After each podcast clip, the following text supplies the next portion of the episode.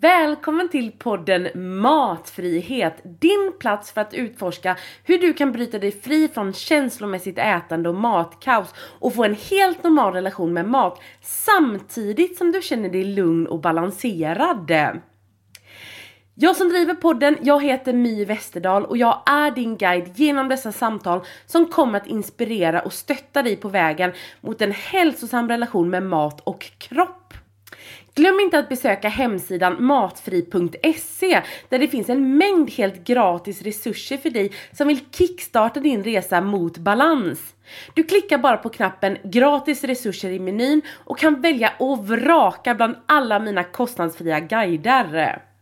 Och för dig som vill fördjupa dig ytterligare så har jag också skrivit en bok som heter exakt samma sak som podden. Boken heter Matfrihet och du kan lyssna på den via de flesta bokappar. Om du är som jag och gärna vill hålla i boken, stryka över insikter med pennor i härliga färger och kunna läsa om stycken som fastnar extra, då kan du köpa den billigast via förlaget People and Stories. Direktlänk hittar du både i avsnittsbeskrivningen och via min hemsida. Så tacka dig själv för att du är här och investera i din hälsa och i ditt mentala välbefinnande.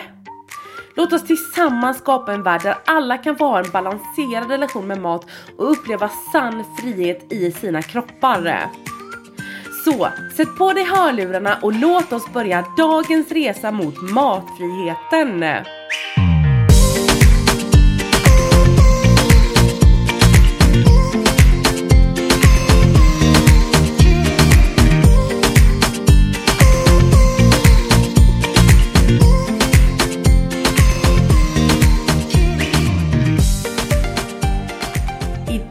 Kära vänner så har vi med en fantastisk gäst.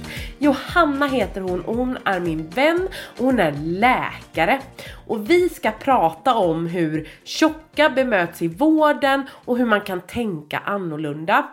För vi har ett väldigt stort problem idag. Över hälften av alla tjocka rapporterar att ha blivit utsatta för viktdiskriminering i vården. Faktum är att det här är ett extremt utbrett problem. Så pass utbrett att det finns tonvis med forskning på viktstigma och viktdiskriminering i vården. Viktstigmatiseringen har faktiskt ökat med 66% senare år och det är liksom en accepterad form av diskriminering till skillnad från rasism och homofobi som inte är accepterat idag. Men viktdiskriminering, man får liksom fläka ur sig alla möjliga eh, vad ska man säga, kommentarer och elaka eh, fördomar om tjocka överallt utan att det är straffbart eller ens ses som moraliskt konstigt. Gör någon en video på Instagram där man liksom pratar om att tjocka är sjuka och lata och att det bara tar tag i sig själv, då får man liksom en hejaklack av tusentals människor som håller med. Så att det är helt okej okay att liksom behandla tjocka hur som helst. Och det är inte bara på Instagram vi ser detta utan det är ju även inom vården. Man får tänka på hur utsatt man är som patient inom vården. Tänk dig själv att eh, du är orolig att du har en sjukdom, du har fått symptom och innan du ens bestämmer dig för att söka vård så måste du liksom väga det här mot ditt psykiska välmående. För att du vet att det är väldigt stor risk att du kommer bli kränkt och utsatta för fördomar och kanske till och med bli nekad vård om du ens tar dig dit. Så du behöver liksom väga allvarlighetsgraden i dina symptom mot den här överhängande risken. Och det här har man ju sett i forskning att tjocka människor söker vård mycket senare och tjocka människor är, blir också utsatta för den här eh, utbredda diskrimineringen som gör att de inte får rätt vård och att många av deras sjukdomar faktiskt beskylls på att de är tjocka helt enkelt. Att man inte blir undersökt för sina symptom utan man blir ombedd att banta och komma tillbaka. Och det här gör ju att eh, tjockas sjukdomar upptäcks senare och det ger ju alltid en mycket, mycket sämre utgång. Men föreställ dig att du faktiskt byggde upp mod så att du ringde vårdcentralen, bad om en tid och fick komma dit. Redan vid första anblick, utan att ens ha undersökt dig, så ber läkaren dig att banta. Och då sitter du där och har liksom tappat all form av mänskligt värde och känner dig bara dålig och skäms över den du är. Ja men då ska läkaren undersöka dig. Du ska alltså låta den här människan som har begått det här psykiska övergreppet på dig att liksom ta på din kropp och liksom ge dig hjälp i en situation där du är rädd och dessutom nu känner skam. Alltså Alltså nivån av terror på det här går liksom inte att föreställa sig om man inte varit utsatt själv.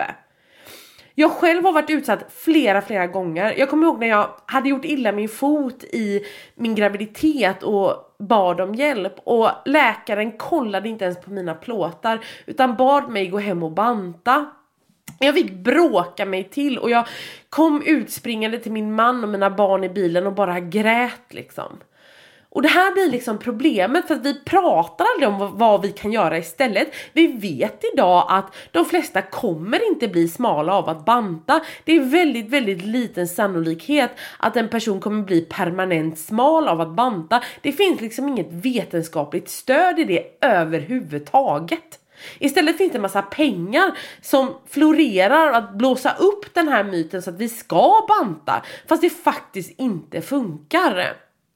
Men jag vet inte hur många gånger jag blivit ombedd av banta av vården men löst det på alternativa sätt. Som att byta ut mina skor mot barfotaskor och faktiskt bli smärtfri. Men det här pratar man inte om utan man är så jäkla fixerad vid vikten och BMI så att man blir helt blind och tjocka patienter får inte hjälp eller rätt vård. Och viktdiskriminering är inte heller någonting att skoja bort utan den ger fysiska förändringar i kroppen. Det är faktiskt så illa att det ökar risken att dö i förtid med 60% även när forskarna har kontrollerat för ett högt BMI. Och allt det jag sagt nu, det är ingenting jag bara hittar på eller liksom tar ur luften utan det finns enormt mycket forskning på detta. Vill du veta källorna till mina påståenden så hittar du dem i avsnittsbeskrivningen. Och jag vill lyfta redan nu att prata med läkare kan kännas väldigt jobbigt för vissa, speciellt om du har varit med om mycket trauma inom vården själv. Så var rädd om dig. Och även om jag inte håller med Johanna om allting så tycker jag att hon är förbannat duktig för att hon kan liksom se problem ur flera perspektiv. Hon liksom dunkar inte sin huvud i en vägg som handlar om att banta, banta, banta. Utan hon lyssnar på sina patienter och försöker hjälpa dem på riktigt. Och nu är det ingen idé att vänta så vi kör igång!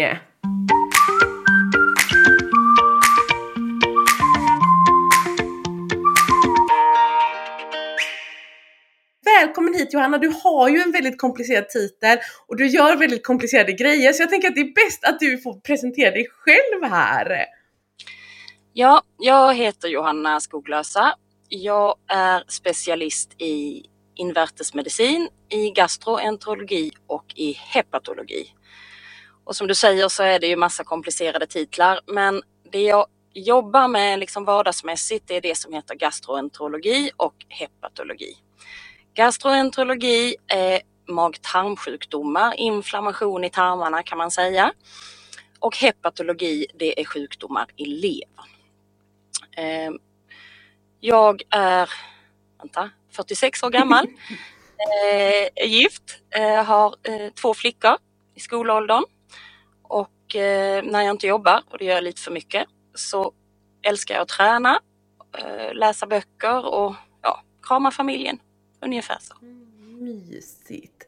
Um, jag är så himla glad att du är här idag för att det, alltså du är ju egentligen min största fobi, eller inte du då Johanna, men ditt yrke, alltså att gå Alltså att gå som tjock till vården är ju någonting ofta att man drar sig för just för att eh, man blir bemött oftast direkt att ja men liksom du borde banta. Exempelvis när jag gjorde illa min fot så vägrade den läkaren ens kolla på mina plåtar utan sa direkt liksom så här, du måste gå ner i vikt. Och det blir ju ett väldigt så här skamligt beteende att man känner att ja, men det är mig det är fel på, jag har gjort något fel och så sitter man i en väldigt sån här sårbar position där man liksom ska bli undersökt och bemött och för, alltså prata med den här människan som kanske har väldigt mycket fördomar och så kring en på grund av ens vikt. Vad tänker du om det? Ja, det är ju svårt. Det är svårt från min sida också. Um, vi behöver prata vikt ibland. Dels behöver jag, beroende på vilka läkemedel jag ska ge, så behöver jag ibland veta vikten för att ordinera rätt dos. Ger man för eh, hög dos så kan det vara farligt för kroppen och ger man för låg dos så har det inte effekt. Ehm, jag har blivit bättre på det eh, genom åren att säga just varför jag behöver veta vikten för att ta bort det här stigmat och jag brukar också eh, jämna ut och säga men plus minus 10 kilo för att signalera att det inte är så himla viktigt. Och sen försöker jag ta upp ämnet och förmedla att eh, det är ett svårt ämne och att det kan vara, vara känsligt av olika skäl. Men, men det är svårt, jag är inte säker på att jag alltid lyckas men, men jag försöker verkligen tänka på det. Eh, och sen behöver vi just i min specialitet och i många specialiteter ibland prata om vikten av, av hälsoskäl. Ehm, för, för det finns eh, sjukdomar som är väldigt kopplade till övervikt. Det behöver inte alltid vara att livet är inte rättvist. Alla som är tjocka får inte alla de här sjukdomarna men av de, en del av människor som är tjocka så har sjukdomarna kommit av vikten. Kanske inte vikten i sig men anledningen till att man har blivit tjock. Ehm, läkemedel man har tagit men Eh, kost man har ätit och så. Ehm, och där får man liksom försöka ta in patienten man har framför sig och anpassa samtalet lite som, som man är med varann. Eh, och förhoppningsvis inte låta anklagande för det kommer vi ju ingenstans med. Eh, det blir ju ingen ändring om vi inte kommer överens om vad problemet är och hur vi kan hjälpas åt med problemet. Och tänk om alla var som du Johanna. Tänk vad mycket enklare det har varit att gå till doktorn och få hjälp då och känna sig trygg och bara nej men nu ska jag dit och den här människan kommer se mig och höra mig och liksom bemöta mig på ett respektfullt sätt. Men så är det ju inte. Många läkare är ju tvärtom. Alltså, jag har ju själv liksom erfarenhet av att man liksom tror att det är mycket enklare att gå ner i vikt än vad det faktiskt är och att eh, många att man genast får livstidsråd om att ja, men har du provat att träna eller har du provat att inte äta på McDonalds så mycket fast man kanske tränar och kanske inte alls äter på McDonalds liksom. Men jag tror vi blir ju nu är jag så pass gammal att eh, det är ju 20 år sedan jag tog läkarexamen och jag hoppas ju att vissa saker har ändrats eller jag vet att massa saker har ändrats sedan dess. Det fanns sanningar jag lärde mig då om läkemedel när man hade haft en hjärtinfarkt som, som man absolut inte fick ge och som är eh, standardbehandling idag så att det går ju framåt. Men eh, sen blir det ju så med, med all forskning som görs av, av kopplingar mellan olika eh, riskfaktorer och sjukdomar. Det baseras ju också på de patienter som, som blev sjuka för 10-15 år sedan. Det ska man inte glömma. Eh, så att den, de resultat vi har från forskningen nu, de är baserade på, på saker som hände för ganska lång tid sedan. Om man jämför med covid-pandemin så kommer det ju komma massa data om 10-15 år. Vad händer på sikt? Men det vet vi inte nu. Och I de här resultaten så, så eh, är det ju väldigt tydligt vad det gäller många sjukdomar att förhöjt BMI är en riskfaktor men man har ju inte tittat på varför patienten har för högt BMI och där är det ju en jätteskillnad. Är det för att man just äter på McDonalds snabbmat hela tiden, att kroppen inte får några riktiga eller inte tillräckligt med bra näringsämnen. Eh, kroppen mår inte såklart inte bra av att äta pommes frites hela tiden. Liksom. Men då händer det andra saker i kroppen som kanske är större bov i i det hela än vad man väger. Man har också svårt att särskilja ibland vad beror det på att man är överviktig för man har andra sjukdomar, behövt ta mediciner för det och gått upp i vikt där. Så att vi blir matade, vi läkare, med resultat där, där övervikt är en riskfaktor, precis som rökning. Eh, men vad som ligger bakom det, det har man nog inte tittat så mycket på. Eller så har man det och så har inte jag koll, för jag har verkligen inte koll på allt. Men, men budskapet som kommer är just det. Ehm, och där nämner man just eh, BMI och övervikt, men det är sällan man till exempel säger okej, okay, hur går det då om man har tränat eller ej? Ehm, det kanske kommer, det vet jag inte.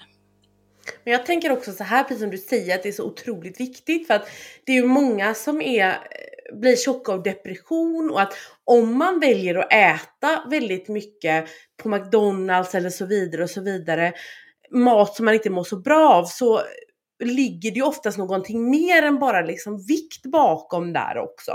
Jag menar alla känner ju att äter man bara på McDonalds så börjar man må jävligt dåligt efter ett tag liksom. Det blir ingen skön känsla i kroppen. Och jag tänker att eh, det är så enkelt att liksom förväxla i liksom forskning och så vidare att liksom ehm, eh, vad ska man säga, vikt är lika med, med saker som det inte riktigt har med att göra som liksom alla tjocka är ju inte deprimerade. Och om man ser liksom eh, om man ser, ser liksom så här, vissa uttalanden och sånt i tidningar och så, så är det liksom en biverkan av att vara tjock är social isolering säger vissa, att det är bra att gå ner i vikt på grund av den sociala isoleringen. Men det är ju inte på grund utav att man är tjock utan mer liksom stigmat runt liksom individen som är tjock. Så är det ju tyvärr med forskning att det är svårt att få att verkligen bara mäta det man vill mäta.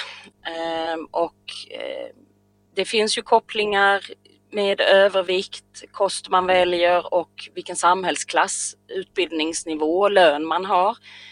Eh, det räcker ju att gå i mataffären själv och kolla vad ett eh, kilo frukt kostar kontra ett kilo godis eller chips. Liksom. Ehm, och det, det finns väldigt mycket sånt där och det, det, är svårt att få fram det i forskningen. Och jag tycker absolut inte man ska vi i vården ska bidra till stigmatiseringen men samtidigt har vi ett krav på oss att vi den vård vi ger och den kunskap vi baserar vår vård på är forskningsbaserad. Det finns ett jättestort krav på det. Och då får vi gå efter de sanningar eh, som finns. Sen får vi inte vara dumma såklart. Vi måste tänka till och vara kloka själv och det finns aldrig någon ursäkt att bemöta någon eh, dåligt. Sen är vi olika bra på det. En del kanske har valt lite fel inriktning i sin läkarkarriär. Så är det. Eh, en del kanske passar bättre med, med andra inriktningar men, men eh, det är svårt. Det är svårt att sitta i, i yrkesrollen kan jag tycka, veta vad forskningen visar och sen samtidigt ha en patient framför mig som jag behöver hantera. En sjukdom som kan vara relaterad till vikt och där vi behöver diskutera Vet du varför du har gått upp i vikt? Vad berodde det på? Har det alltid varit så? Hände det någonting? Har du testat någonting? Ehm, och där har vi ibland saker att arbeta med. Jag har patienter som berättar eh, vad de äter eh, där de faktiskt har vitaminbrist för de äter så lite grönsaker. Ehm, jag har patienter som överhuvudtaget inte rör sig, som inte går i trappor, tar en vanlig promenad, ingenting. Då är det enkla råd som hela kroppen mår bra av. Ehm, att lägga till bättre kost. Man behöver inte börja med att ta bort. Man kan lägga till mer näringsrik kost. Det mår alla bra av.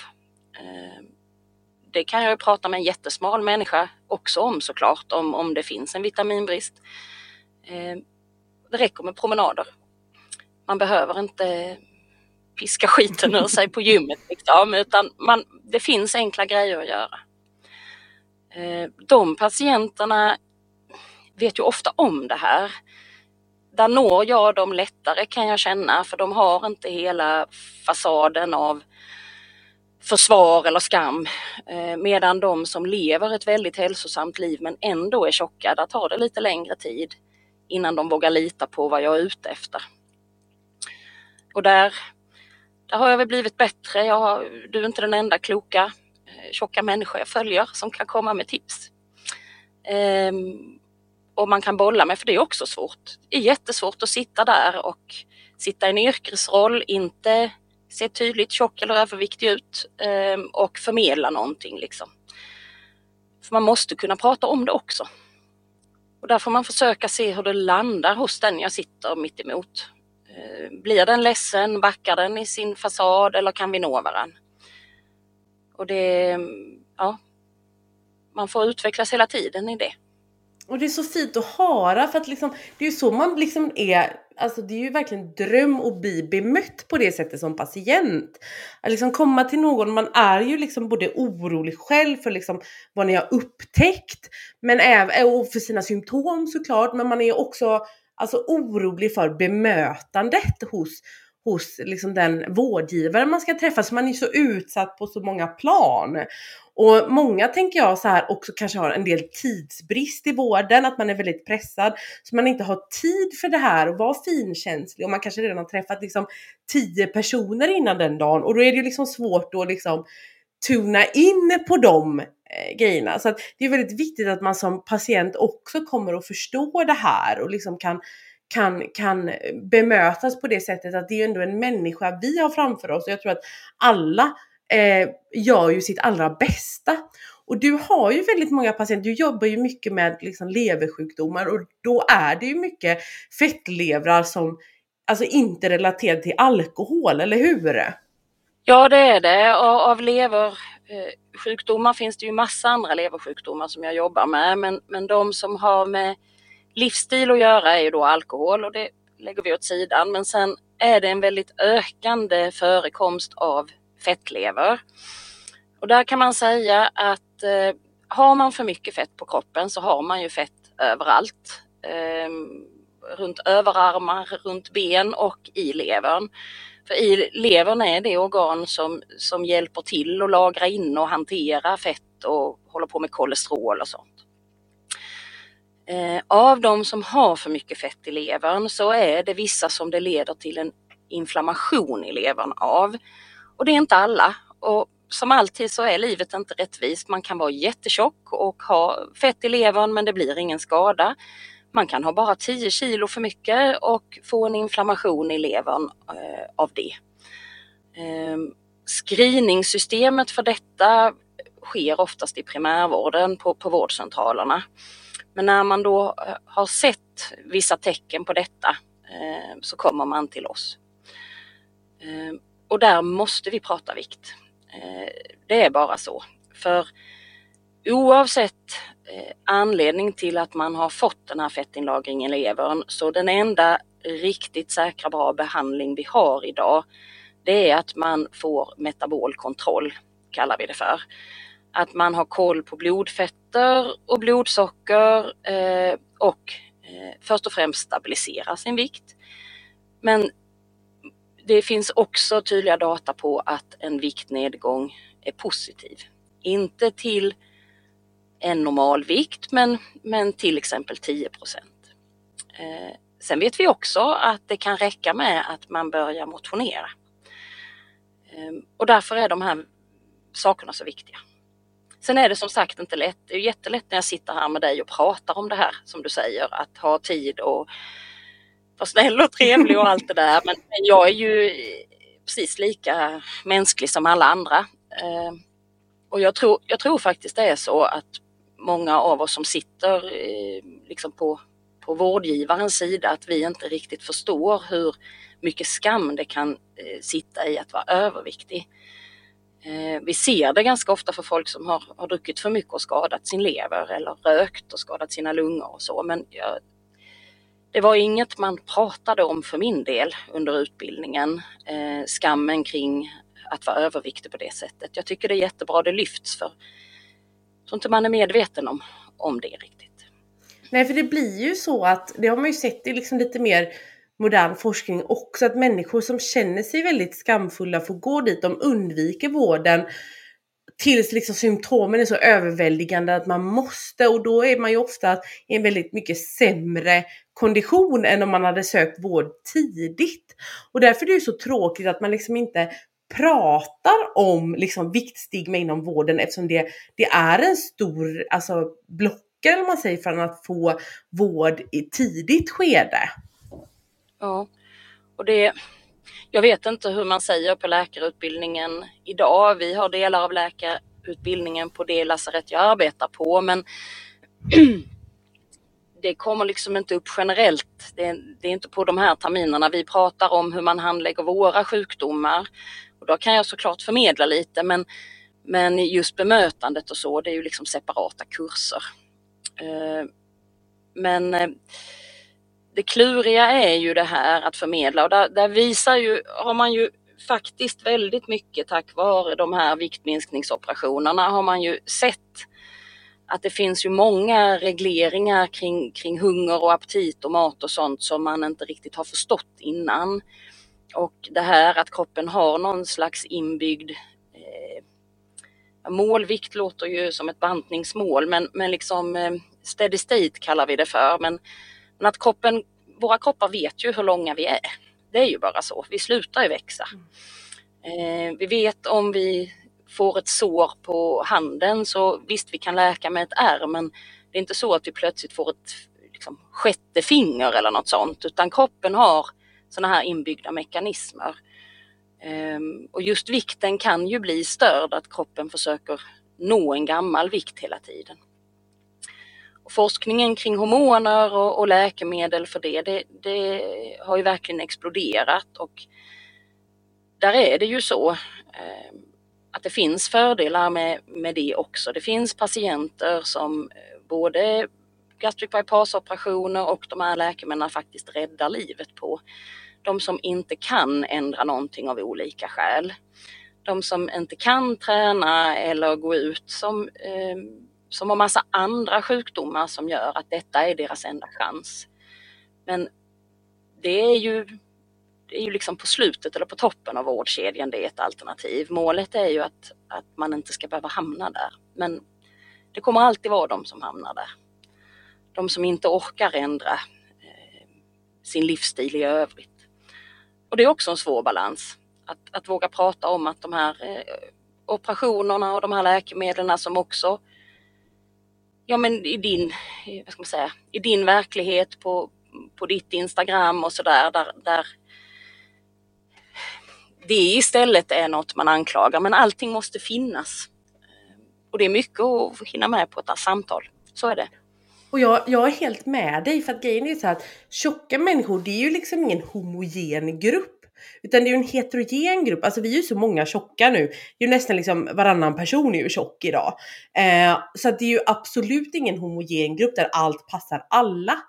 Och ofta när man pratar om det här så vill man ju gärna dela in det här i svart och vitt. Jag får ofta frågan att när blir liksom eh, vikt farligt? När blir det dåligt? Alltså vad ska man göra? Och jag är ju liksom inte emot det här liksom med mediciner och, och operationer till den saken att, men jag tycker att det ges lite lättvindigt. Jag menar jag har, Ehm, alltså eftersom vikt då bara, vikt, vikt, vikt i sig anses som en sjukdom utan att man faktiskt har högt blodtryck, högt blodsocker, höga kolesterolvärden och så vidare utan bara väger för mycket utan några som helst konsekvenser så kan man liksom erbjudas liksom både operationer och mediciner. Eh, jag menar det finns människor som väger ganska lite till och med, alltså kanske har BMI på 30-31 utan att ha några medicinska konsekvenser går och liksom opererar magsäcken. Och då handlar det ju mer om en, tänker jag, en vad ska man säga, mer alltså social press, att man ska se ut på ett visst sätt och, och bli skammad och så vidare. Och jag säger inte att man inte får göra det här. Jag är ju liksom för människor får göra precis vad de vill.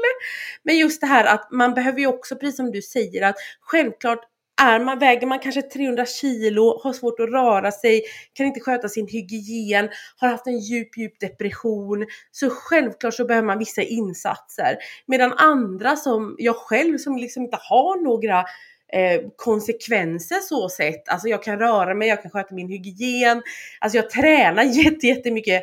Jag står inte på gymmet och känner mig dödligt sjuk liksom. Fast jag klassas som det för att jag väger en viss summa liksom. Eh, och det är det som blir så, så knäppt tänker jag. För att istället borde man ju kunna se liksom alla individerna. Men istället idag är det ju typ att du ringer en vårdapp och får läkemedel utskrivet. Ja, nej, det är ju helt galet. Det är, ja. Det är, ja, nej. Det är dyra läkemedel också. Eh, och det finns undanträngningseffekter för andra patienter och så, men det här är väl bara en, en, del i att, att det är komplext och svårt och att eh, jag hoppas vi inom vården kan bli bättre på att att bemöta även överviktiga människor på, på liksom en eh, personlig nivå mer och se vad kan man hjälpa den personen med och att man också från patienthåll eh, ser de olika delarna. Att bara för att vi nämner vikt, att det är inte en röd flagg och sen hör man inte vad doktorn säger längre utan för alla av oss eh, är inte, eller försöker i alla fall att inte lägga någon skuld eller skam på det hela. Ehm, och jag förstår att det, att det är svårt, att det lätt eh, blir triggers av det och att man liksom slutar lyssna. Men syftet för oss är ju eh, att hjälpa. Och eh, det är alltid svårt. Det gäller ju inte bara detta. Det gäller ju alla möjliga saker som, som vi pratar med patienter om. Man vet aldrig riktigt vad som kan vara känsligt för just den personen. Men eh, något behöver vi göra på något sätt eh, när man har en, en eh, sjukdom kopplad eh, till vikten. När man har en riktigt sjuk lever som inte fungerar längre så, så om man uppfyller vissa kriterier och krav och så, så, så eh, kan man bli erbjuden att gå igenom utredning för en levertransplantation. Det är en stor operation. Man måste vara i ganska bra skick för att klara det. Eh, det är såklart återhämtning och det är livslång behandling med läkemedel för att levern ska stanna kvar i kroppen och inte stötas bort. De läkemedlen måste man ta väldigt eh, noga på tider och, och eh, de dämpar immunförsvaret för att immunförsvaret ska inte putta ut levern men de dämpar ju övriga immunförsvaret. Det som ökar allra mest, nog över hela världen, det är levertransplantationer på grund av fettleverskada. Och det är ju verkligen dramatiska grejer. Eh, otroligt för individen att gå igenom hela detta såklart. Men, men det är också en, faktiskt rent krast en jättekostnad för samhället. Det rör sig om miljontals kostnader. Och det är därför det forskas på de här läkemedlen, operationerna och livsstilen och allt det där. Eh, för att undvika det här. För det är ju verkligen... Eh, och sen sköter man inte sin nya lever med nya vanor så får man tillbaka fett i sin transplanterade lever. Och det ser vi regelbundet tyvärr. Och vi har inget krav för att har man druckit för mycket alkohol och skadat sönder sin lever så har vi krav kring eh, att man ska visa sig nykter en viss tid innan man blir erbjuden en utredning. Men har man en fettlever för att man har misskött kroppen i övrigt så har vi inga sådana krav. Eh, men man får också en lever rent så som kunde gått till någon annan. Ehm, och därför, vi har inget sätt att, att följa upp ehm, hur hjälper vi den här personen så att den nya levern inte också får, får en fettskada. Och det, ja, det är klurigt. Jag tänker liksom så här också att om man tittar på forskningen så ser ju många, man har ju liksom mätt exempelvis då eh, på läkare som är smala att man har liksom överskattat också hur enkelt det är att gå ner i vikt. Att en person som är smal eh, har en mer så här, ja, men att man tror att det är mycket enklare än vad det är. Och därför tycker jag att det är så himla bra att vi börjar prata i de här termerna nu att att här, man ser på de här Alltså det är ju faktiskt någonting positivt som har kommit ur de här fetmaoperationerna. Att det här att man har sett att det påverkar liksom det endokrina systemet, alltså hormonerna i kroppen, signalerna. Att det inte bara är det här att vi krymper magsäcken för att de tjocka äter så mycket utan att man har sett att det har blivit en förändring i liksom, eh, hormonerna och man börjar prata om liksom, setpoints och liksom, olika saker. Att det inte handlar om så mycket om liksom, viljestyrka för att jag tror att det är hela grejen att om vi hade liksom den här generella förståelsen i samhället att tjocka människor inte väljer att vara tjocka. Så det finns tusen anledningar varför en person blir tjock. Vissa som du säger blir det på grund av alltså mediciner, andra för att man kanske har en depression i grunden. Alltså det finns jättemånga anledningar. Och jag som alltid har varit tjock, jag föddes tjock, jag har alltid legat liksom plus på kurvan. Och alla bantningskurer jag upp, alltså utsattes för från fyra års ålder har ju bara pushat upp liksom, det har ju skrämt skiten i min kropp och liksom pushat upp liksom fettinlagringen. Och det här ser vi också så det vi håller på med idag, för att nu har vi hållit på och bantat hysteriskt i typ 150 år och folk blir ju bara tjockare och tjockare och vi ser alla de här liksom leverskadorna, diabetes ökar, alltså det är ju någonting som inte fungerar i det så att vi behöver liksom titta på ett annat sätt hur vi kan göra annorlunda för uppenbarligen så verkar ju det här med bantning vara en jävligt dålig idé. Ja, det är en usel idé. Det är ju verkligen så. Eh, jag har bantat jättemycket eh, i mina dagar eh, och det har ju inte varit särskilt lyckat eller hållbart eller så. Och det försöker jag verkligen prata med de här patienterna om där det hade varit positivt med en viktnedgång. Dels att påtala att det handlar inte om att gå ner till en normalvikt eh, utan att varenda kilo har en vinst och det viktigaste är framförallt att man inte går upp mer. Ehm, och jag brukar jämföra med ehm, just det här, kroppen är inbyggd för vissa grejer. Ehm, det är svårt ibland att hitta förklaringar som fungerar för, för alla. Eh, för mina läkarkollegor eller mina eh, läkarstudenter brukar jag prata om eh, när man ger blod att kroppen bygger lagom mycket. Sen när man har tappat ut den återställer liksom. För patienterna är det inte alla som förstår det här riktigt med blod så då pratar jag om sår på händer och, och så. Men, eh, och sen brukar jag fråga om man har testat något innan. Eh, om de har gjort 700 dieter och så, då är det inte lönt att testa någon ny igen. Så är det bara. Äter man inte någon, några grönsaker eller någon, någon det behöver inte vara hemlagad mat, men om man bara äter ultraprocessad snabbmat så finns det ju något att lägga till. Jag hade en patient som brukade varje dag eh, gå och köpa wienerbröd till kaffet och så var det ju alltid ta tre betala för två så att då köpte patienten tre. Åt alla tre för det var ju väldigt gott. Så sa jag, men då räcker det ju här, köp bara ett då. Jag inte sluta med wienerbröd om det är det som gör glädjen i livet utan man kan göra små ändringar som ändå är bra för, för kroppen. Och det, det finns ofta saker man kan göra. Alla tränar inte som tokar som du och jag. Ehm, alla vågar inte lyssna på kroppen och försöka känna vad man är sugen på eller inte utan det finns saker ibland att göra. Men eh, och något, något är tok, jag vet inte riktigt. Vi har alltid fötts. Tittar man på filmer som finns från första och andra världskriget, det finns ju ibland där det har alltid varit så att vi ser lite olika ut. Eh, då tror jag mer det speglades på den tiden att, att vi, är, vi är skapta olika. Vi har olika färg på ögonen, vi har olika hårfärg. Eh, vi är menade att se olika ut. Mina döttrar ser helt olika ut i sina kroppar. De har samma gener, eller det har de ju inte, men de har samma föräldrar i alla fall. Ehm, men de har varit olika från början.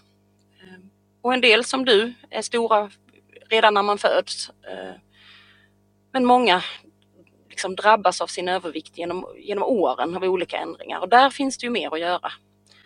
Om man kan tidigare hitta sätt där man kan hjälpa folk. Ja, och jag, jag tänkte på en sak du sa till mig någon gång för länge sedan när vi chattade. Så skrev jag så här, Åh, jag blir så tokig, de bara ändrar diagnos på mig hela tiden. Alltså det var det här med havandeskapsförgiftningen när jag fick den och var gravid. Eh, och du bara, ah, men det är så typiskt mig för du är ingenjör och min man är också ingenjör och det är verkligen så här X är lika med Y, det är så enkelt där. Medan liksom i sjukvården är det ju inte så utan då får man liksom experimentera och kroppen är så komplex och man vet inte alltid på det sättet som liksom ni ingenjörer tänker. Nej, det är sant. Jag brukar säga till min man att i din värld är 1 plus 1 alltid 2. Hos mig kan 1 plus 1 bli minus 1 men det kan också bli 4. Och så är det. Eh, och det är jättesvårt att veta vissa grejer. Eh, och så ändrar sig sanningen, det gör det inte. En metalls smältpunkt är som den är men det kommer hela tiden ny, nya resultat där man kommer fram till att läkemedel vi har använt innan är inte aktuellt längre. Läkemedel Viagra var ju egentligen en blodtrycksmedicin. Eh, det är inte det man använder den så mycket till idag. Det ändras liksom. Och det, det kan vara svårt att bara att vara en normalviktig patient i den världen och förstå vad håller doktorn på med. Eh, men jag tror vad det gäller vikten just så vi behöver som sagt bli bättre på att förstå att det inte är hela sanningen. Ehm, och patienter med övervikt behöver också försöka förstå att vi behöver ibland prata om det ändå. För ibland spelar det roll. Och, och våga lyssna på vad vi säger med förhoppning att vi kan möta varandra någonstans. Ja, och jag tänker också så här liksom att jag tänker, jag är ju egenföretagare så jag jobbar ju ganska flexibelt och för mig är det så enkelt att få in liksom träning i min dag. Det är enkelt för mig att ställa mig och laga mycket så här näringsrik mat med grönsaker och så vidare. Och så vidare. Men jag menar om vi tittar på min man som är så här, jag menar, han är ju också vårdpersonal. Jag vet, det är liksom det jag är mest rädd för om jag är gift med en liksom. Och han har ju mycket svårare att få in det i sin dag för han jobbar ju liksom så åtta timmar, sen pendlar han två timmar och det är liksom så här, och så kommer ju barnen på det så det är sånt jäkla meck att få in träning liksom på det och, och allt det här. Och jag tänker också så här att jag tänker verkligen så här att om vi ska få en friskare befolkning så behöver vi liksom också ge möjligheterna på det på ett så högre nivå. För just nu så ligger ju liksom folkhälsan i ditt knä som läkare och i mitt knä som tjock patient. Men liksom vi har ju inte möjligheterna på liksom samhällsnivå för en frisk befolkning när vi, de flesta lever det här jävla ekorrhjulet. Ja, nej, det är sant och jag menar det kommer ju hela tiden ut eh, på något sätt det här att hur ska vi, vi, vi förbättra folkhälsan och hur eh, nu är befolkningen för överviktig och de mäts och det diskuteras i skola och sånt. Det blir jag tokig på. Men som sagt, eh, nu kan jag inte några skattesatser i huvudet inte, men, men eh, det borde vara dyrare att köpa godis än, än frukt och grönsaker till exempel. Eh, serverar vi ett fint fruktfat till våra barn så jublar de ju lika mycket som om eh, vi skulle sätta fram en godisskål för att, ja. Så det finns, det är på många nivåer eh, det här. Och där är det väl också det här just hur jag försöker möta mina patienter att när vi pratar om till exempel mat att det går inte att ändra allt. Det är, så, det är jättelätt att, att hoppa på ett projekt eh, och tänka att nu ska jag ändra mitt liv och jag ska träna fem dagar i veckan och jag ska bara äta grönsaker och fisk och så. Det blir fruktansvärt tråkigt alltså. Eh, det är helt ohållbart. Men däremot om man får till en ny vana att man till sin måltid var man nu köper den eller hur man gör, ehm, att man lägger till tre morötter. Eller vad man nu gillar. Ehm, och de här vanliga men dock eh, bra tipsen att hoppa av en station tidigare gå om man inte har möjlighet. Eh, tack vare allt som finns eh, online så kan man träna hemifrån behöver inte, jag har inte någon skivstång hemma, jag har kettlebell och lite hantlar och så, men, men det finns massa program på Youtube och, och sådär. Eh, för det är inte lätt att få in det. Jag har verkligen all förståelse för det. Gör man ingen motion alls, då är ju ett pass i veckan, det är liksom 100% bättre. Eh, äter man inga grönsaker alls, ja men hitta en du gillar och så lägg till den, det är också bättre.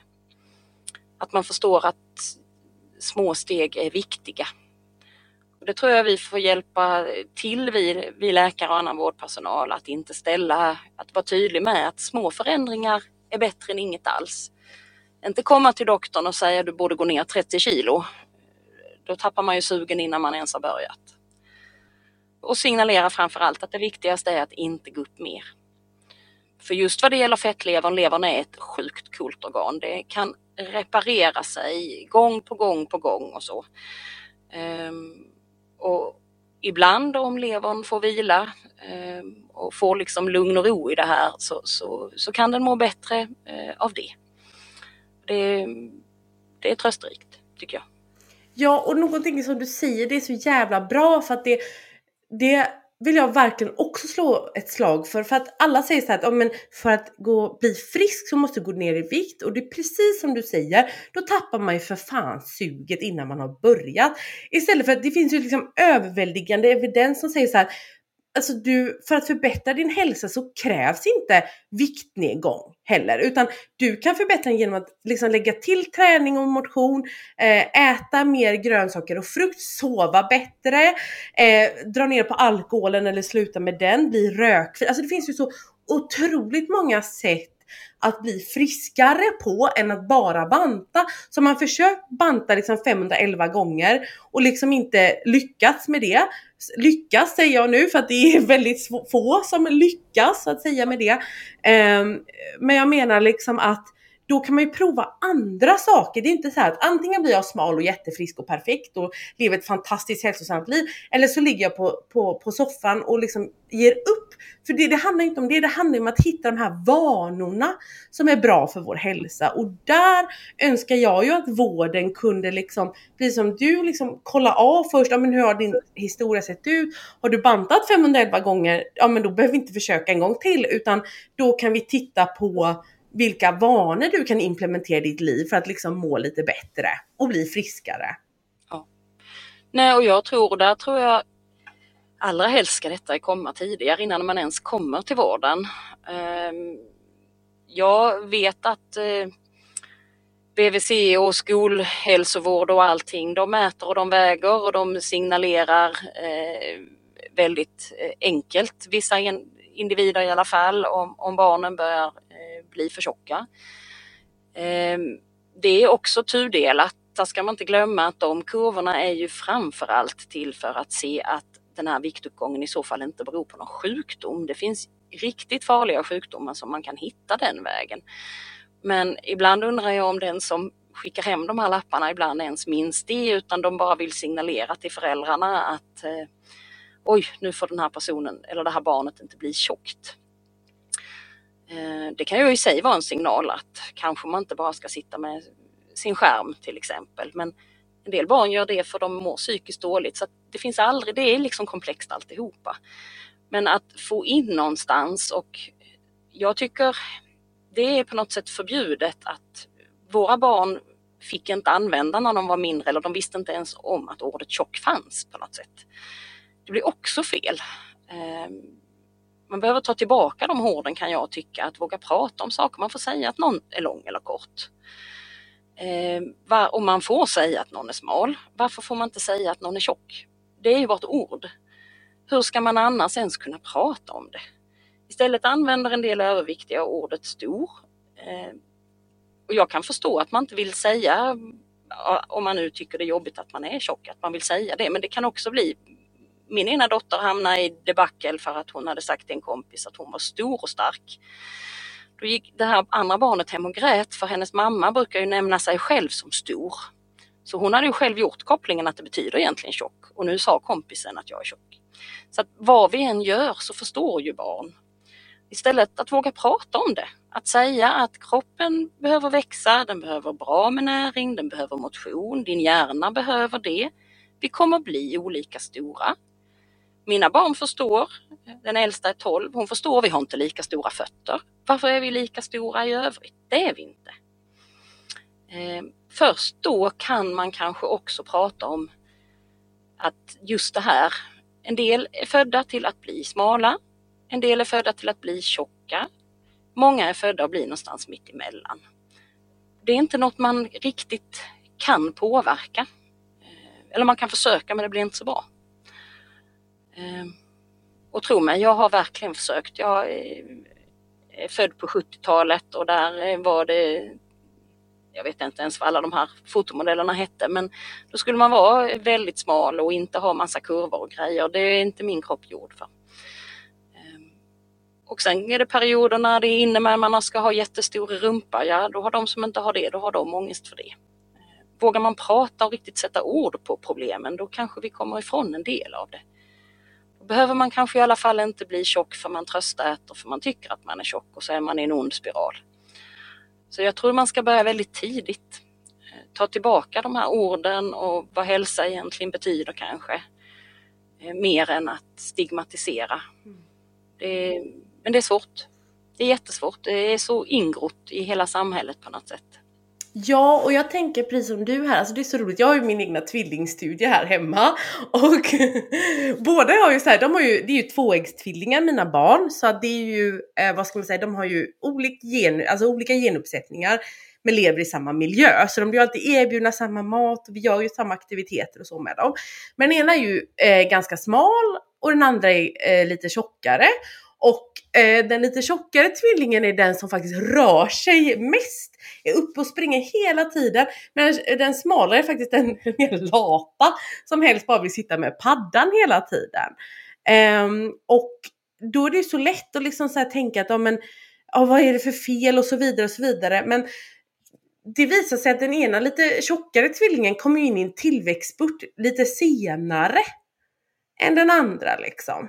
Så att jag tror också så att man inte ska stirra sig jätteblind på barns vikt så eftersom de kommer in i sådana växtspurtar. Som en, liksom mm. sådär, som, och man vet liksom inte riktigt hur det beter sig heller. Utan de har ju sin egen, egen kalender. Och jag tänker att också det här med liksom vikt och så, jag brukar inte prata högt om det för att jag vill inte marknadsföra matvet som en viktnedgångsmetod. Eh, det är väldigt viktigt för mig, men jag har ju varit liksom mycket större än vad jag är idag. Jag har liksom haft, varit tio storlekar större så att jag har ju varit rejält stor liksom. Eh, och eh, då hade jag ju liksom andra problem så att säga. Då var det ju problem såklart med det ena och det andra. Men om jag tittar också på hur jag levde då så var det ju så att jag festade skitmycket. Alltså jag festade två gånger i veckan. Jag åt pizza jämt och liksom så här, alltså verkligen levde för att jag hade precis flyttat alltså hemifrån så det var ju världens liksom galej hela tiden. Och jag rökte och alltså gud vad jag höll på alltså. Och då är det ju liksom inte konstigt att man blir Alltså sådär och inte mår så bra i sin kropp heller. Och sen så försökte jag hela tiden banta ner mig men det slog hela tiden tillbaka.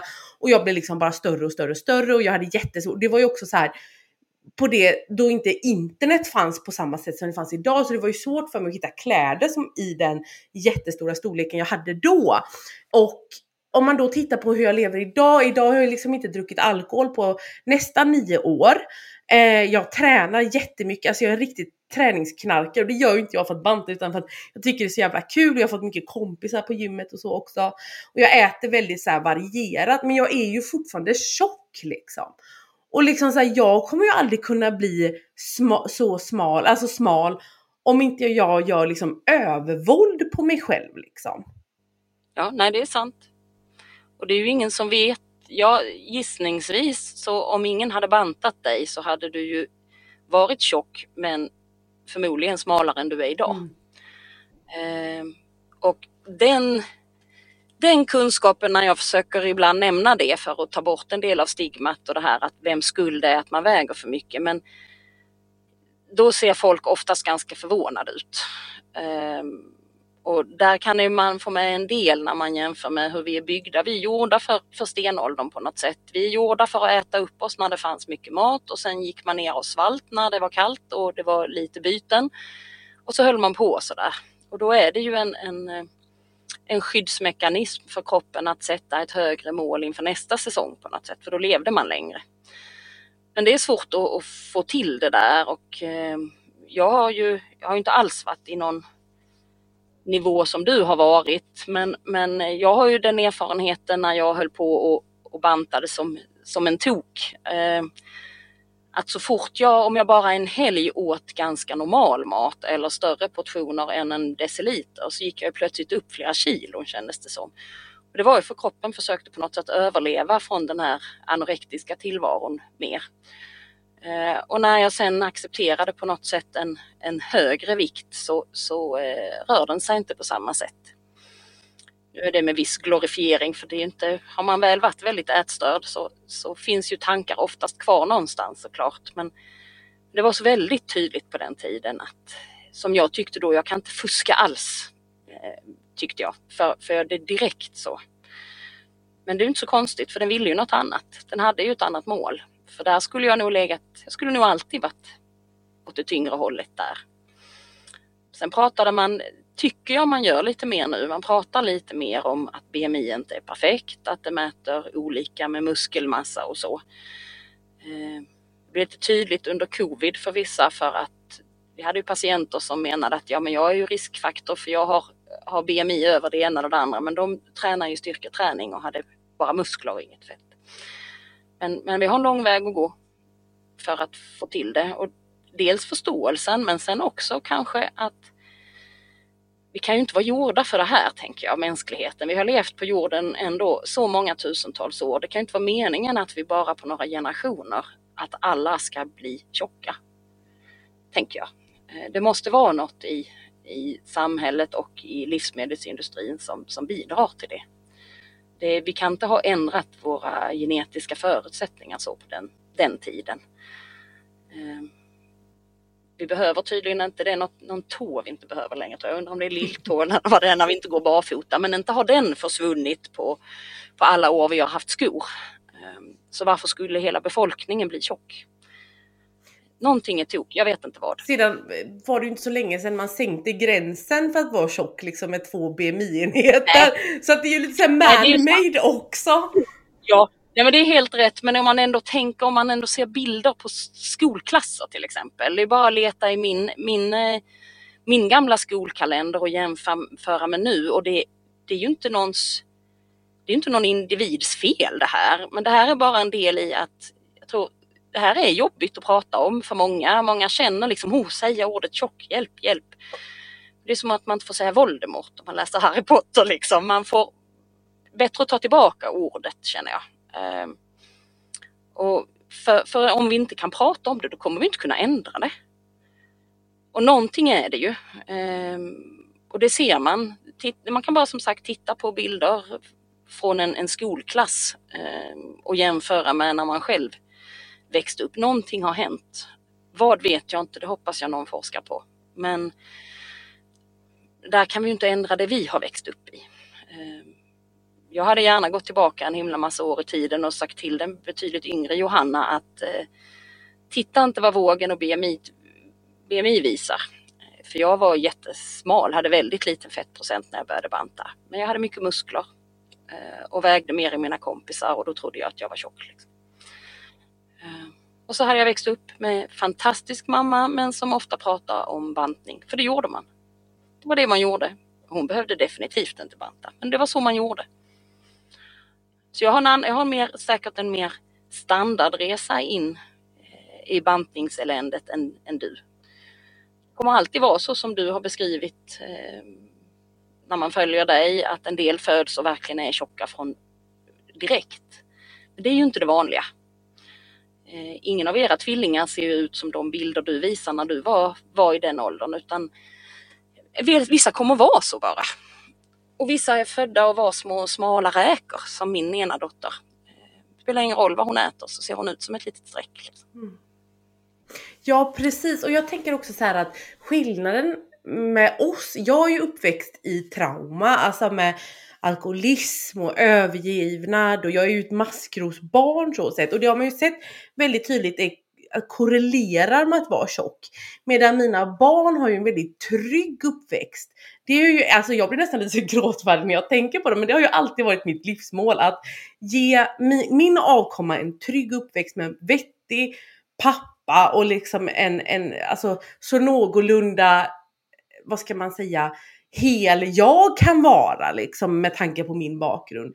Så har det varit en så fin gåva att ge dem och det märker jag ju liksom på dem då också att jag tror att min ena har lite anlag att bli lite större men också då genom att man skyddar dem hen, alltså med en tryggare bakgrund som man vet då eh, faktiskt inte, kanske inte en orsak för det vet man ju aldrig, men det är i alla fall en stark korrelation med liksom tjocka barn. Och det jag tänker också att eh, det är också så viktigt när man bemöter tjocka barn att ha den kunskapen med sig att många av de här barnen lever faktiskt i ganska alltså, dysfunktionella förhållanden. Och då är det så enkelt som jag då istället för att någon frågade mig hur mår du, hur har du det hemma? Så sa man, här har du en matdagbok. Mm. Och liksom att man har med sig den förståelsen in i vården tror jag är så viktigt. Att, att vi inte vet det. Och visst, vi har blivit tjockare, precis som du säger. Och jag tror att det är väldigt så här toxisk soppa vi lever i.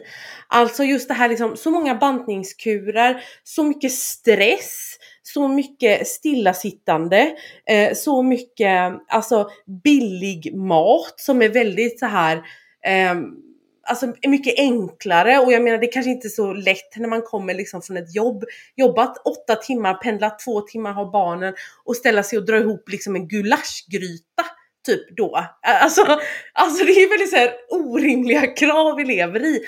Och jag tror att vi behöver den här förändringen på samhällsnivå men ändå hamnar det liksom i ditt knä som vårdpersonal. Jo men det gör det ju till syvende och sist om man blir sjuk av det och då är ju om det är mer, en mer grundläggande problematik så, så är ju den skadan svår att göra något åt och det låter ju väldigt deppigt men jag tänker just om man har ett redan fastnat i att kroppen har ställt in sig på en högre vikt. Eh, och ja, det är, svårt, det är svårt att göra någonting eh, just viktmässigt där. Eh, det behöver vi också förstå. Då får man få se vad, vad går det att, att förändra. Men eh,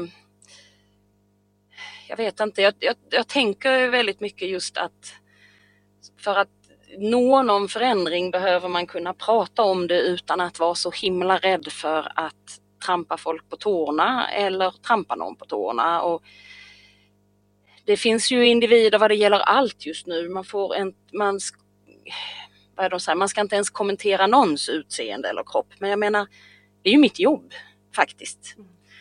Eh, jag måste kunna prata om folks kroppar för annars kan jag inte göra mitt jobb. Och jag tror också man snöar in sig fullständigt i eh, ett hörn även i samhället om man inte får kommentera något överhuvudtaget. Om man inte ens får säga vad fin du är i den klänningen som en del menar. Jag vet inte. Blir det inte ännu konstigare då? Vad får vi prata om liksom? Och jag tror man måste kunna prata öppet om problem som, som finns. Annars blir det bara eh, ännu konstigare. Då skulle man ju om, om eh, ett barn går upp i vikt så skulle man ju vilja mer höra, har ni, utan att det blir ett stigma, har det hänt någonting? Är det något som är ändrat hemma? Eh, har ni ändrat något på kosten? Hur äter barnet i förhållandevis till eventuella syskon och så? För att just bena ut lite, vad, vad är det? Eller är det bara så här man är tänkt att se ut? Men då måste man våga prata om det.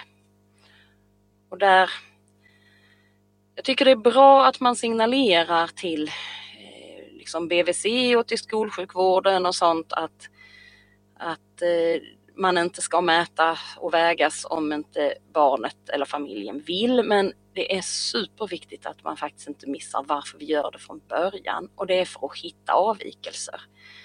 Och där kan man hitta något som både du och jag har svårt för, så kan man hitta att barn inte växer för de visar sig ha glutenintolerans. Hittar man inte det i tid så blir inte barnet så långt som det skulle bli. Då stör man hela eh, tillväxten. Det finns också sjukdomar där man går upp ofrivilligt i vikt som också är kraftiga hormonstörningar. Ehm, så det fyller ett syfte. Sen ska man ju inte prata om det framför barnet, det är väl det felet är. Min ena flicka ska mätas och vägas snart har vi fått information om. Och då har vi fått skriva ja eller nej om det är okej. Okay. Och så har de också skrivit att eh, vi får med en lapp hem där det står måtten och är det någonting som behöver följas upp så, så skriver de någonting där eller kontaktar oss. Men det ska inte ligga på barnet. Det kan lika gärna vara att föräldrarna ligger i skilsmässa och barnet tröstäter. Eh, sånt vet vi inte, men, men det ska inte ligga på barnet. För det är vårt ansvar. Ta hand om våra barn, se till att eh, de blir bra vuxna brukar jag säga till dem. Jag vet inte om de förstår riktigt vad jag menar. Eh, så att vi behöver ta... Och det här, jag kan tänka att det här är svårt. Eh, det är svårt om man är en överviktig förälder att hantera detta, veta hur man ska göra men, men någonstans missas budskapet tidigt att mm, längd och vikt för barn är framförallt till för att se att de växer som de ska. Eh, och inte hysteri på att det är för att de inte ska bli för tjocka, utan för att vi ska hitta sjukdomar. Det finns många vi hittar på det sättet. Ja, och jag tänker också så här, överlag med skam och så, alltså menar innan du träffar en patient så har den liksom antagligen suttit ute i väntrummet och mötts av alla de här budskapen på sociala medier om att ja men vad fan, tjocka människor är lata och här har du en ny diet och bla bla bla. Och så har de precis slagit igen telefonen, kommer in till dig och så är det någonting som avviker så behöver du ta diskussionen. Så du möter ju inte bara en person som står där helt naken utan du möter ju en person med ett jävla bagage. Och då läggs ju allt på. Så jag tänker liksom så här, självklart så måste vårdgivare behöva ta de svåra samtalen. Problemet är väl liksom gemene mans uppfattning egentligen om tjocka personer. Så att det liksom så blir att den tjocka personen får ju både det ifrån liksom sociala medier och PTs och kompisar och arbetskamrater bla bla bla. Och sedan så räcker det kanske att eh, vad ska man säga, ja, men att man går in och så behöver man ta den dis diskussionen. Liksom. Jag, jag, förstår ju det. Liksom. Alltså, jag har ju mött massa vårdpersonal som absolut inte tar upp det för att det har inte varit relevant för liksom, om jag går dit med liksom, en förkylning så. Men sedan så finns ju vårdpersonal som kanske liksom överfokus på det. Så det handlar ju verkligen om vilken, vem man möter. Absolut. Det, det finns, ja herregud, det finns hur mycket som helst fördomar överallt och även inom vården. Eh, verkligen. Och just när man tar upp det när det inte har med saken att göra. Och det, det är verkligen synd. Jag tänker vad det gäller vården att det, det som ligger bakom är att man på något sätt faktiskt vill hjälpa. Eh, att vi är itutade med hur, hur farligt övervikt är, eh, väldigt ofiltrerat så. Eh, och att man är ute efter det. Sen borde man ju bara man backar och så lite till sig själv så är det många saker man gör som man vet det kanske inte är det bästa. Eh, det har vi nog allihopa någon, något beteende oavsett om man feströker eller kör för fort eller cyklar utan hjälm eller så, så har vi ju, har vi ju någonting. Men, men det är alltid svårt, det är svårt ibland att tänka på, på sådana grejer. Men vi har alltid något beteende vi gör att det här, det här borde jag ändra på egentligen. Och det vet jag ju, så varför skulle inte den som sitter framför mig och är tjock veta det? Såklart. Det är lite förvånande. Ja, och det, det, är så viktigt att du säger det liksom för att det vill man ju också poängtera att tjock är lika är, är liksom inte lika med eh, en vana, utan det är ju någonting vi är. Och liksom att man blir tjock återigen då, precis som vi har sagt så många gånger här, det är ju så olika för det är ju ingen homogen grupp. Så det är så bra att du säger det. Och jag tänker så här att nu har vi, jag hade kunnat tjata med dig en timme till Johanna, men jag tänker att vi ska försöka hålla det här avsnittet, eh, vad ska man säga, lite tajtare och i värsta fall så får jag bjuda tillbaka dig om du vill senare framöver. Får vi fortsätta att tjata en timme till. Så tack snälla Johanna att du kom hit idag. Du är guld och jag önskar verkligen att alla inom vården var som du för då hade man ju faktiskt vågat gå dit jag måste, jag måste ju ha någon sån här disclaimer och säga igen att jag är ju absolut inte fantastisk på, på detta. Men jag försöker tänka till och jag önskar att vi alla kunde bli bättre på det. Tack! Och jag menar, vem är fantastisk på detta? Man är människa och liksom bara din nyfikenhet. Jag blir alltid så chockad vet när jag ser att massa läkare följer mig och så skriver till mig. Jag bara, vad gör ni här? Jag som snackar så mycket skit om er yrkesgrupp i mina sociala medier. Know your enemy. ja, lite så. Nej, men jag, jag älskar det och jag älskar det här liksom så här att att, att liksom det här att man vågar titta nytt och vågar titta omkring och förhoppningsvis så kommer det nu när det liksom pratas allt mer om det också bli en liksom vänligare inställning till alla olika typer av människor liksom. Det hoppas jag verkligen. Så tack Johanna att du kom hit. Jag önskar dig en fortsatt trevlig dag och tack alla ni som lyssnar. Eh, skriv gärna till mig vad ni tyckte och tänkte om avsnittet, vilka tankar som väcktes. Och så hörs vi igen eh, framöver. Puss och kram! Tack så mycket att du lyssnade på dagens avsnitt av Matfrihet. Jag hoppas att du har fått värdefulla insikter och inspiration för din egen resa mot en hälsosam och balanserad relation med mat och kropp. Och kom ihåg att om du vill ha ännu mer matfrihetsinnehåll och få tillgång till gratis resurser, recept och andra verktyg, besök min hemsida matfri.se. För att hålla kontakten och inte missa några framtida avsnitt, prenumerera gärna på podden i din favoritpodcast-app.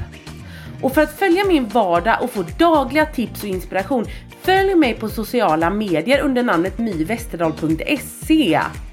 För de senaste uppdateringarna om podden, följ podden på Instagram under kontot podden Matfrihet. Och du, tack igen för att du lyssnar. Tacka dig själv att du investerar i dig själv med den här tiden. För kom ihåg, din relation med maten och din kropp är viktig och du är inte ensam på den här resan. Ta hand om dig så hörs vi snart igen.